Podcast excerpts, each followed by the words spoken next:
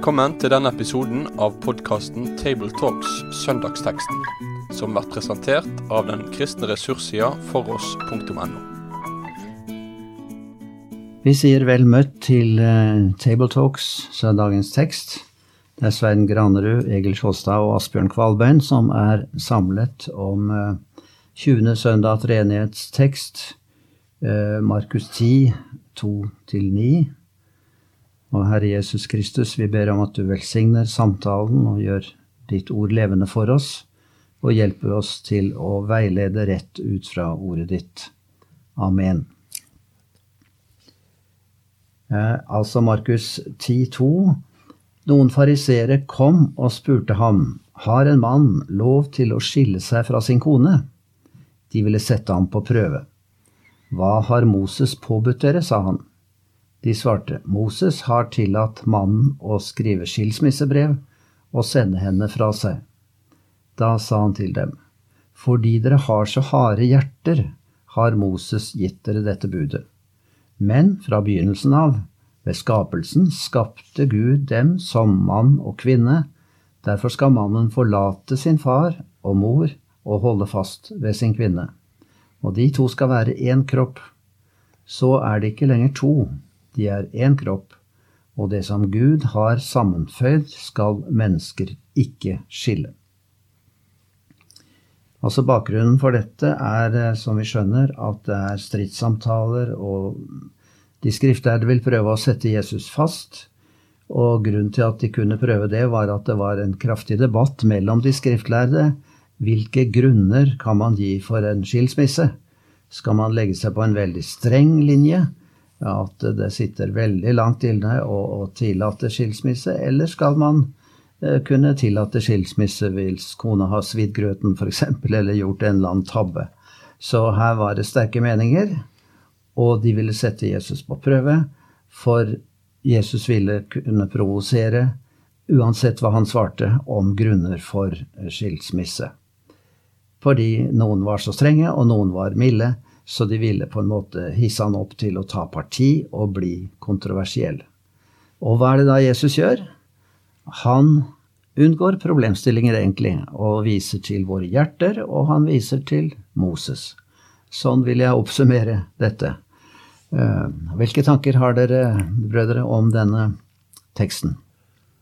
Jeg tenker jo her at eh, Jesus først og fremst har forankring i Første Mosebok 1 og 2 i sin teologi om ekteskapet, og om mann-kvinne. Og der er det, for å ta noe som er helt aktuelt, da, og som har blitt provoserende å si, det er to kjønn. Det er ikke mer enn to kjønn. Og det forutsettes i det ti bud. Far og mor. Det, det, er biologisk far og mor. Så her er det noe som vil være veldig dagsaktuelt å berøre og begrunne i Bibelen i, i ei preike. Selv om en skal gjøre det på en forsiktig måte og ikke ramme noen unødig, så må dette tegnes tydelig fram, tenker jeg. Ja.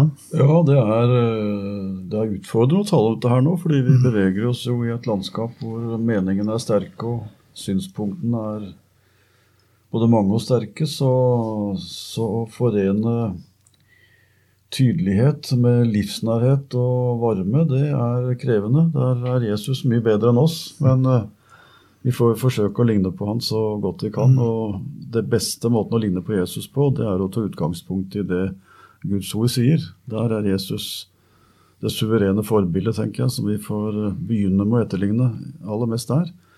Og starte der hvor han gjør, og si at uh, dette, dette ligger til grunn. Eh, og så går det an eh, ikke bare å slå det fast, men kanskje også ha noen beskrivende uttrykk for eh, det gode og flotte som, som ligger i mann og kvinnens relasjon til, til hverandre. Det fins nok prester og forkynnere som har vært mer fargerike enn godt er, men det fins også dem som kanskje havner litt for fort i dogmatikken, og så kommer man litt for langt fra livet. Så kunne de klare å finne en mellomvei der, så tror jeg ikke det hadde vært så galt. Men jeg tror jeg vil starte med å ligne Jesus, eh, ikke minst i å, å løfte fram det som ligger der som grunnlag fra Skriften. Ja, så Det er jo fint å begynne med akkurat det som Egil pekte på, at det er to kjønn. Gud skapte som mann og kvinne. Og at det er ikke noe nødløsning, det er Guds gode vilje og hans eh, flotte design. Fordi ut av dette springer både vedlikeholdelse av menneskeheten ved at vi får barn, og det er grunnlaget for familier, eh, de store sammenhenger vi står i. Men det fordrer altså at det blir et skille, sier eh, Moses da, og Jesus bekrefter det. At man forlater sin celle, sin mor og far, og holder seg til sin hustru. Det blir en ny celle. Og vi vet jo litt om det også, at dersom ikke det blir et, eh, en løsrivelse på en sunn og god måte i forhold til egne foreldre, så, så kan det bli problemer i et nytt ekteskap, altså ens eget ekteskap. Og det har jeg skjønt også av mange som driver familieveiledning, så begynner man å snakke veldig mye om relasjoner til far og mor. Om man virkelig er frigjort fra dem når man skal danne et, eh, en ny celle, en ny familie. Kanskje vi til og med skulle hatt en liten formaning til far og mor om eh, at man kan være støttespiller og ikke problemer for ja. et ungt par? Slippe sine kjære, og ikke diktere dem for mye i deres løsninger for uh, å legge opp sitt liv. Ja. Mange svigermødre som har blitt ramma av dette her. her da. Ja. Jeg er ikke sikker på at svigermødre er så mye verre enn svigerfedre. Men det er et poeng. Jevnt fordelt, men utfordringen ligger der. Ja. Et poeng at en klarer å holde fingrene for fatet også når uh, ens barn da, gjør andre valg. Ja. Og at en viser respekt for at de da er selvstendige. Selv om de velger annerledes, at de da stiller opp og er der og eh, viser nærhet uten å vil være med å bestemme noe i den nye heimen. Dette er et krevende ja. tema, det, for jeg har vært på, på forkynt i sammenhenger hvor uh, den eldre gruppen da, som vi snakker om nå, som har voksne barn, de har kommet og ville snakke om hva gjør jeg når de gjør sånn og sånn, og de mm. gjør det slik og slik, og det er jo ikke slik de har lært. Hvordan, hvordan, takler vi det? Så det kan hende det er et element vi burde være innom. Mm. Iallfall vet jeg det er mange som sliter med hvordan kan jeg ha min integritet som en aktiv kristen uh, ektepar når barna våre gjør slike valg. Hva gjør vi da? Skal vi markere tydelig at vi er imot, eller hva gjør vi? Jeg har som regel svart at jeg tror det går an å kombinere tydelighet på hva vi står for, med respekt for det de gjør. For skal jeg bevare fortroligheten og nærheten til barna mine når de blir voksne, så må de oppleve at jeg respekterer de valgene de gjør, også når jeg er uenig. Hvis ikke så forsvinner den muligheten til å tale med hverandre når kanskje mm. situasjonen endrer seg. Så en varm formaning til bønn og nærhet og samtidig respekt det tror jeg er et godt utspill også til mm. den eh, generasjonen som ikke er i hovedfokus her, men som allikevel er inne i bildet. Mm. Absolutt. Ja, og så kan en jo også streife innom dette de to skal være én kropp. De er ikke lenger to, men én. Én sjel, én kropp. Hva betyr det? Det betyr jo folk vil tenke umiddelbart på et seksuelt samliv. Men det er utover det, tror jeg, prøve å være én i ånd og sinn og målsetting og i det hele tatt alt som drar i én retning. Man behøver ikke utslette sin personlighet, den skal få være seg selv og ha respekt for det. Men dette med å stå sammen, det er også en livslang kunst å lære i et ekteskap og en familie. Og her vil det jo slik være at vi som er foreldre for våre barn, vi blir forbilder i hvordan de vil opptre i sitt ekteskap. Så her er mye å lære, og det er ikke hovedfokus i teksten. Det er jo dette med skilsmisse og ekteskapets hellighet, men, men dette er med på å bevare ekteskapet ved at vi følger disse eh, budene og forskriftene fra Moses. Det er jo veldig interessant at Jesus med den autoritet han har, likevel skyter seg inn, inn under Skriften og Moses når han eh, taler om ekteskapet. Mm. Det er et aspekt ved ett kjød, som det het før da, eller du leste én kropp. Ja. Uh, indirekte så sier også det noen ting om andre aspekt ved det å være uh, mann eller kvinne. da, At uh, intimitet med andre enn ektefellen settes det her klar stopp for. Og det har stor plass, f.eks. i apostelbrevet, der de var i kulturer der intimitet med andre enn ektefellen inkludert seksuelt samliv med prostituerte osv., var veldig normalt. Så det å betone de to skal være ett kjød, det er også å betone at det er den ektefellen du har, du skal holde deg til, og ikke ha en fortrolighet med som går over til, til erotikk eller intimitet. Ja, og det kan jo forlenges i vår tid inn i dette med å lefle med pornografi, og sitte på nettet, eh, på datamaskinen og, og meske seg med all verden som kommer nokså ubedt inn i vår verden. Eh, altså renhet i innstilling og tankeliv. En må vokte seg på dette. Men jeg vil også nevne et moment som ikke er nevnt så mye her. Det er dette med å være enslig. Det kan synes som om alt dreier seg om ekteskapet. En god kristen kan jo være enslig, og samliv er ikke nødvendig for å leve et fullverdig liv. Um, en kan velge enslig stand. En kan uh, føle at det har aldri lagt seg til rette å få en ektefelle. Uh, og uh, noen vil si 'jeg har aldri møtt den rette personen for meg', og noen vil si 'jeg, jeg har valgt å leve enslig for å tjene Gud'. Så Paulus sier jo sterke ord om at han skulle ønske at alle levde som han. Det ville være best i disse tider, sier han, men han taler om det som en nådegave å leve enslig. Så jeg ville brukt et lite avsnitt i en preken for å oppvurdere det. Det er jo faktisk eh, en økende andel av befolkningen som lever nå enslig. Uh, uten å være gift, og mange lever jo da i et uh, multiseksuelt forhold istedenfor. Det er jo slett ikke noe ideal. Kjøpe i smått, som man sier. Men uh, det er likevel viktig å løfte opp den enslige stand som Gud villet også tradisjonelt i luthersk, lutherske kirker, da, så har arven ifra oppgjøret med den katolske munkefromheten og nonnefromheten eh, innebåret at den har sterkt understreka ekteskapets normalitet, altså det ekteskapet som Gud har innstifta for oss her på jord. Eh, og da kan en gå til en ytterkant der enslige helt marginaliseres i både omtale og respekt. Det finner vi ikke i Bibelen. Vi finner begge deler.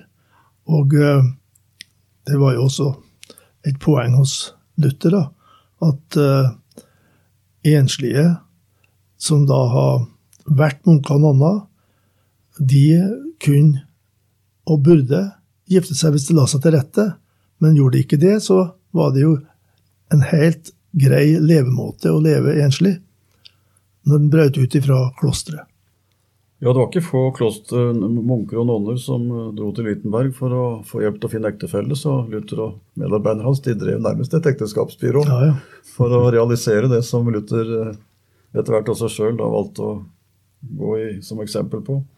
Så det er både interessante og litt underholdende, men ikke minst alvorlige ting med det der som, som det er viktig å, å snakke om. Eh, når Asbjørn sier at vi skal forkynne om dette, her, så tenker jeg at det med min erfaring så er ikke dette noe om å bli spurt om å tale om så ofte. Så i den grad vi har forkynnere som lytter til oss, eller folk som sitter i foreningsledelse, så, så har jeg lyst til å utfordre til at en setter dette opp som tema. For det er som regel ikke det forkynnere velger hvis man kommer på å få tale om det som Gud minner en om, som det heter. Så er det ikke så ofte at Gud minner om dette, ser det ut til. Dette må vi ha frem i forkynnelse, for det som ikke forkynnes undervises om, det blir ofte ikke en del av den aktive tro som vi har. Og om dette blir framme på prekestolen, så er det så til de grader framme i den enkeltes liv. Så det er, ikke, det er ikke en som ikke kjenner seg igjen i noe av det vi har snakket om nå, for dette er så sentralt i alle våre liv. Så det å la Bibelen få veilede oss på det her, det må vi bruke mye tid på. Vi må også si til folk at dette er ting man også bør søke samtale med andre på, som man har tillit. For å bale om disse tingene på egen hånd, det har vi sett i samtale med mennesker, det er krevende saker. Det er jo kjempeflott at det er satt opp som en søndagstekst da, i ja, kirkeåret. Veldig bra. Så da slipper uh, predikanten å tenke at nå er det noen i forsamlingen som tror han tenker på meg, eller mm. at han tar hensyn til meg nå. Her har han en tekst som er gitt, og som du da bare pent skal legge ut. Enten det er mange skilte og gjengifter i forsamlingen, eller andre forhold eller ikke? Jeg syns det er flott å trekke inn to tekster når det gjelder ekteskap. Det ene er jo det som Jesus gjør fra Første Mosebok. Men eh, jeg syns det blir for lite tatt fram det fra Hebreerne 13, mm. hvor det står 'la ekteskapet holdes i ære av alle', og la ektesengen bevares ren, for Gud vil dømme dem som driver hor eller bryter ekteskapet. Det er veldig konkret sagt, og når jeg blir spurt av unge mennesker er det ett ord i Bibelen som taler imot samboerskap, så sier jeg ja, det er dette ordet her. Dere holder ikke ekteskap i ære ved å ta det på forskudd eller leve utenom ekteskapet. Så det er eh, veldig kontant sagt, syns jeg. Men det betyr at vi alle skal ære ekteskapet. Vi skal ikke fleipe med det. Ikke eh, snakke nedsettende om noe. Også heller ikke det å være enslig skal fleipes med. Det skal æres av alle. Og de enslige ærer ekteskapet på en flott måte ved å leve rent i forhold til det sjette bud. Og ektesengen bevares rent. Det betyr jo rett og slett det stedet hvor samleie foregår Eh, det, det, skal være preget av renhet og hellighet, sies det her. Så det er noe konkret i dette eh, når man begynner å fleipe altfor mye med det seksuelle. Og så er det brukt i sterke ord ellers som brukes om brudd på det sjette bud, drive hor eller bryte ekteskapet, er det forskjellige uttrykk. Men det skal Gud dømme. Dette er eh, alvor. Så jeg syns det er veldig godt å trekke inn dette. Men jeg tror vi skal også komme inn på dette med skilsmisse da, og gjengift mm. eventuelt, mm. som jo folk vil sitte og tenke på her i stor grad. Og mange av de som preiker, har det i sin egen storfamilie. Ja. Sin egen nabo, vennskapskrets. Så det er veldig tett på. Og da er det krevende å forberede seg til preiking. Men samtidig er det en, kanskje en ressurs også, da, som en kan utnytte når en forbereder seg.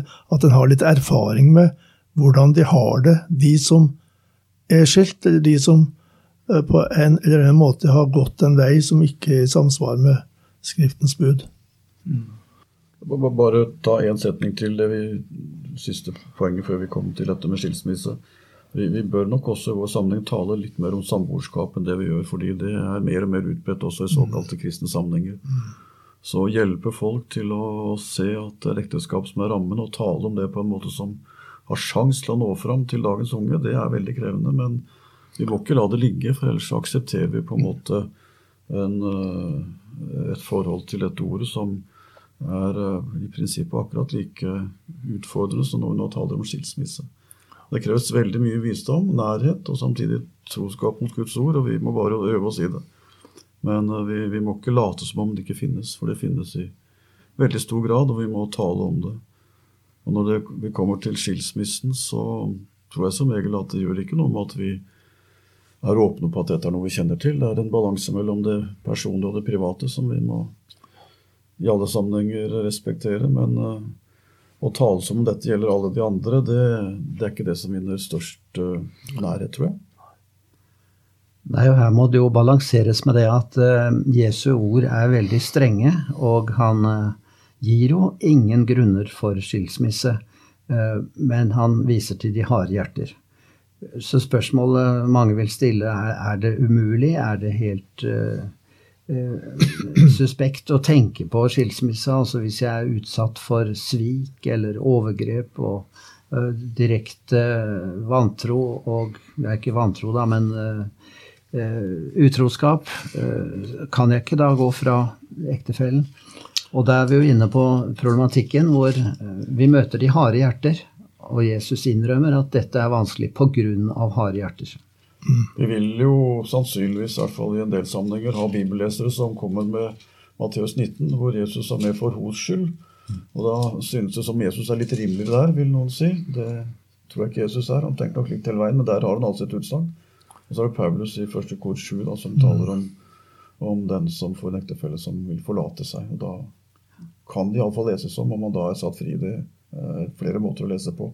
Men våkne bibellesere vil antagelig komme med det hvis ikke vi nevner det i prekenen. Det har vært en lang, lang debatt om dette blant si, bibeltro kristne, da. Fra reformasjonstida av, i hvert fall.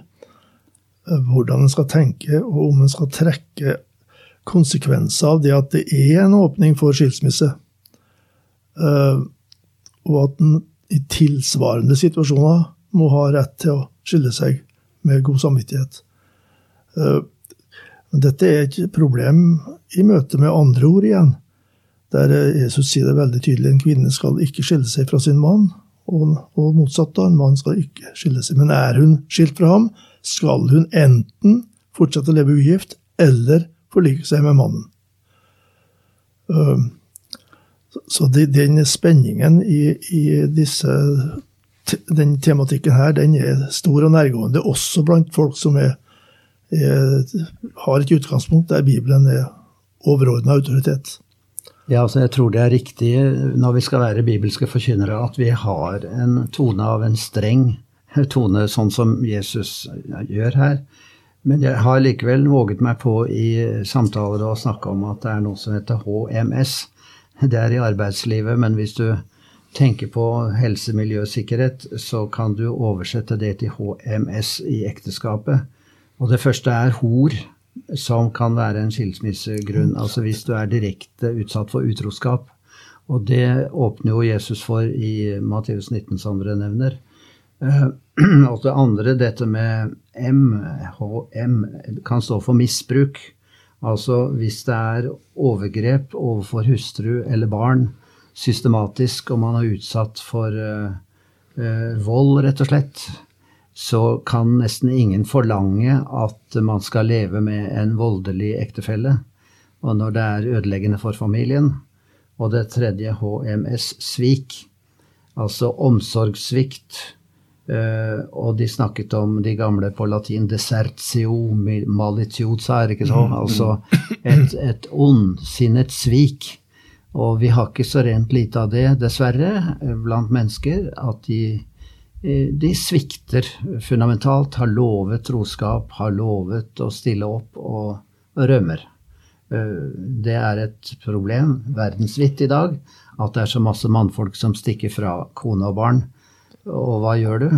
Skal da disse som blir sveket, skal de leve enslig og alene uten støtte av en mann? Jeg kan ikke si, og jeg har aldri sagt, tror jeg, i sjelesorg, jeg tror du skal gifte deg med den og den, jeg tror God, Gud godkjenner gjengifte med det. Det har jeg jo aldri våget å si. Jeg vil bare si at uh, vi står overfor harde hjerter, og du må, du må passe på ditt eget hjerte. At du har et uh, kjærlig hjerte, og så får du uh, se hva som er best ut fra en helhetlig situasjon, og be Gud velsigne og lede deg. Det er noe sånt jeg vil si generelle ord. Men jeg vet ikke hva dere mener om denne HMS-slagordene mine. Det var i hvert fall oppfinnsom ordbruk for, for å hjelpe på hukommelsen. Ja. Jeg er vel ikke så langt unna den måten å tilnærme på, jeg også, tror jeg. Det er krevende, fordi du ønsker ikke å opptre sånn at du i praksis egentlig skjærer unna den grenen som du ønsker å sitte på. Og Samtidig har jeg også vært i situasjonen vi har møtt på ektefelle i en situasjon som jeg tenker at uansett norsk strafferett ville få deg ut av det umiddelbart. For her skjer det mm, straffbare ting. Og da kan ikke jeg sitte med teologien og si at du skal bare bli der når en ektefelle håndterer en sånn som du antyder her, Asbjørn. Så det finnes situasjoner hvor vi hvor vi må se at virkeligheten skaper en situasjon som vi ville, vi ville bryte mange andre bud om vi ikke hjalp dem ut av den. Så her er det på en måte ikke svart og hvitt. Her er det en situasjon som er så sammensatt at du må, at du må, må gjøre, gjøre, et sjelesørgisk valg. Og da er det langs de linjene som du trekker opp, at vi må tenke. Men uh, her får man ikke lage generelle regler. Man må være åpen for at situasjonen er nettopp slik. Og så må man be om visdom i den gitte situasjonen. Jeg har opplevd at folk tar kontakt. Ja, dette er ikke noe nylig, men gjennom mange år så er jeg opptatt at folk tar kontakt, og der du aner en underliggende tanke, da, at en vil ha predikanten til å godkjenne at jeg gifter meg på nytt igjen. Nettopp, ja. At det er det som er den store målsettingen. Det kan skje. Da, når du merker det og stikker fingeren i jorda og merker den tanken, så leser jeg gjerne de ordene av Jesus som er restriktive, og sier at uh, her Dette er Jesu ord. Men i andre situasjoner kan det du ser det rett å poengtere at her har de harde hjerter gjort det veldig vanskelig i tilværelsen din. Så jeg vil ikke tilrå gjengifte. Men om det skjer, I ditt tilfelle så skal du vite at du er velkommen som en vanlig medlem i en menighet hvis du vil tilhøre Herren og leve med Han. En annen ting er at det å ha et åndelig ansvar i en menighet, som eh, nærmer seg hyrdeansvar, da, det, der ser det ut til at apostlene gjør et skille. Ja, og vi må holde fast ved at Jesus er eh, streng, og han går ikke inn på dette med grunner for skilsmisse. Men i denne syndige verden, som Jesus også sier det er, så må vi tenke hva som tjener barn og voksne, og stabiliteten, ekteskapet som ordning, og at det blir eh, fredelige forhold for familiene. Men eh, som du sier, det er ikke lett å, å anbefale gjengifte i noen tilfeller, helt konkret. Men bare det å hjelpe noen som, eh, som iallfall trenger å få trygghet at uh, vi, vi støtter dem på at de gikk ut av ekteskapet. Altså, En ting er skilsmisse, en annen ting er gjengifte. Ja. Så for noen så vil det være bety ha betydning å få hjelp til å forstå at vi forstår at dette ekteskapet ikke hadde noen mulighet slik som den andre parten opptrådte. Noen ganger så er det kanskje vår oppgave å gi en samvittighetslettelse på det, og så for et eventuelt nytt ekteskap være en annen type sak. Allikevel tenker jeg vil ikke sette det helt i sammenheng. Jeg er enig i det. Så tror jeg det at eh, hvis det sitter en bredde av typer folk i en forsamling som hører preika over denne teksten her, så er det kanskje klokt om en kan tale litt om hvordan holde sammen i et ekteskap. Og gleden ved å lykkes med å holde sammen. Ja. Og utfordringen i det. Og, og at en skal ha et perspektiv, som Luther kalte det, en sånn perspektivveksling. Du skal se ekteskapet fra Guds ord, at her er en Guds ordning som, eh, som du er kommet inn i.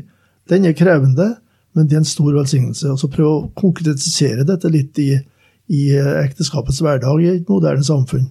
Det er ikke alle gitt å gjøre det nærgående, men eh, et forsøk verd. Nei, og det, det er jo mange som sikkert i eh, generasjonene foran oss har hatt store problemer i et ekteskap og, og lite å hjelpe seg med, i, men som har holdt ut for ekteskapet og familiens skyld, altså. Så har man båret med lidelser inn i det hele.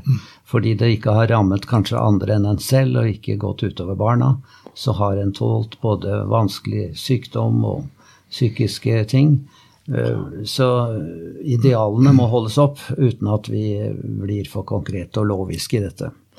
Ja, brødre, vi kan snakke kvinner, lenge. Kvinner ble vel ofte utstøtt på en måte som gjorde det lite vanskelig mulig å leve videre også. Ja. Sikkert. Men jeg har prøvd å si det veldig kort at uh, hvis, hvis du har veldig mange utganger av en sak, så velger du gjerne en av dem. Men hvis du har et fokus på at du har lov til å leve livet ut sammen med den du har giftet deg med, da, da må du sannelig jobbe med å finne de løsninger innenfor den modellen. Og, og den, Hvis det er det perspektivet du har, så er du litt mer motivert for å jobbe når du har en utfordring, enn kanskje hvis utgangene ligger der og verken økonomi eller noe tilsier at det koster så mye å gå ut. Så i vårt samfunn må vi minne hverandre om det. Et løfte som faktisk forplikter. Det var en flott oppsummering. Nå har vi brukt lang tid, men eh, vi får ønske lykke til til dere som skal tale over denne teksten. Med det sier vi takk for følget for denne gang. Finn flere ressurser, og vær gjerne med å støtte oss på foross.no.